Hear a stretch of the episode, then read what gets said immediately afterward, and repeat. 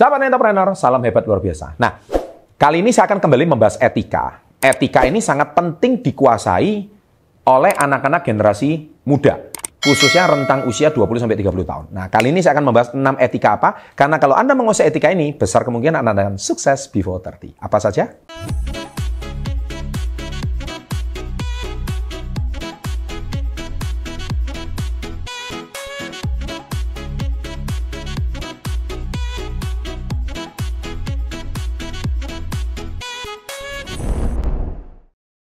Nah, gini, sebagai generasi muda, apalagi Anda yang baru merintis bisnis, meniti karir dalam pekerjaan, Anda harus menguasai skill ini, etika ini. Yang pertama adalah sebelum bicara itu mendengarkan.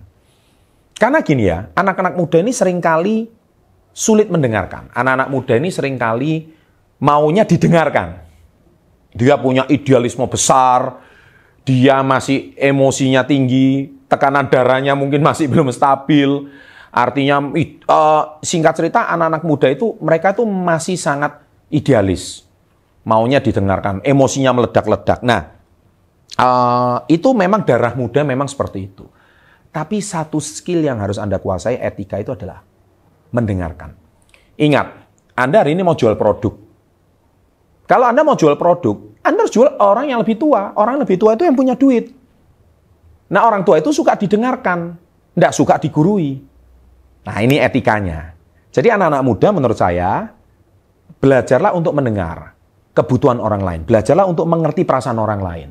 Meskipun Anda sendiri secara pengalaman hidup belum banyak, tapi minimal Anda mendengar itu untuk menambah wawasan. Oke? Itu yang pertama. Yang kedua, sebelum belanja hasilkan.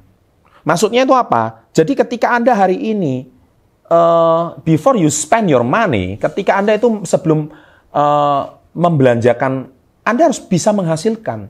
Kalau Anda membelanjakan sesuatu, Anda itu belum menghasilkan apa-apa, ya Anda nggak akan pernah bisa berhasil. Akhirnya uang yang Anda belanjakan habis terus.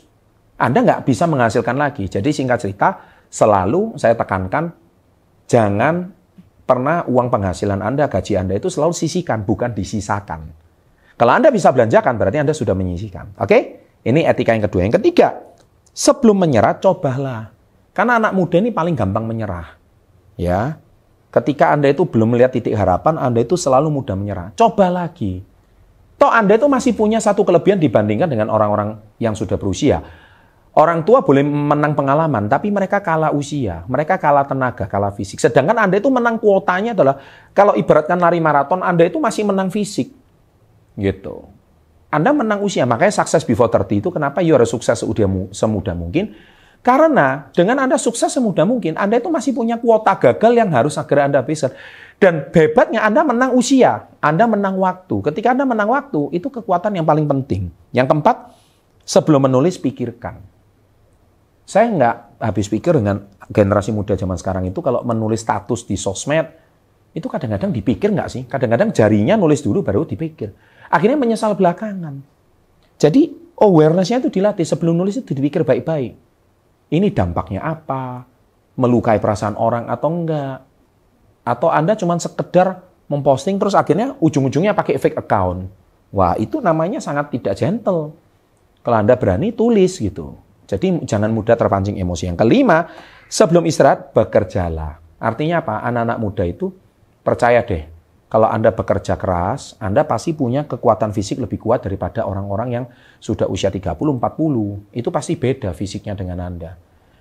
Orang 40, 50 kalau kurang istirahat mungkin bisa sakit. Tapi anak-anak muda, Anda kurang istirahat sehari, dua hari, tiga hari, mungkin baru tumbang hari ketiga. Kalau orang tua nggak istirahat satu hari, hari kedua udah tumbang. Nah ini bedanya. Jadi Anda itu bekerja yang all out. Saya aja sendiri waktu saya masih merintis karir awal, satu hari cuma tidur 5 jam. Ya kan? Nah itu akhirnya visi kita bisa prima. Nah, yang keenam, sebelum mati bermanfaatlah. Ini kata-kata yang sangat bermanfaat. Jadi manusia itu sebaik-baiknya manusia adalah manusia yang bermanfaat bagi orang lain. Tulis, catat, komen di, di menit keberapa. Anda harus jadi pribadi yang bermanfaat. Karena yang dikhawatirkan adalah Anda hidup di dunia tapi nggak ada manfaatnya. Justru setiap hari orang mendoakan Anda cepat mati. Itu kan berarti manusia nggak ada manfaatnya. Tapi kalau Anda selalu memberi manfaat untuk orang lain, orang lain akan sangat segan dan takut kehilangan Anda. Nah, itu dia. Oke? Dan saya berikan tips, salah satunya dunia investasi yang paling bagus untuk generasi muda adalah dunia investasi yang cukup agresif. Salah satunya adalah menabung saham. Nah, di dalam menabung saham ini Anda silakan uh, ketik di sini ada KEPM, Anda silakan kunjungi link webinarnya. Di situ kami ada edukasi tentang pelatihan menabung saham. Di situlah Anda akan belajar banyak tentang etika generasi muda sebelum usia 30 tahun. Sukses untuk Anda. Jangan lupa klik like, share video-video ini kepada teman-teman Anda. Niscaya Anda akan mendapatkan banyak manfaat dari video ini. Sukses selalu dan salam hebat luar biasa.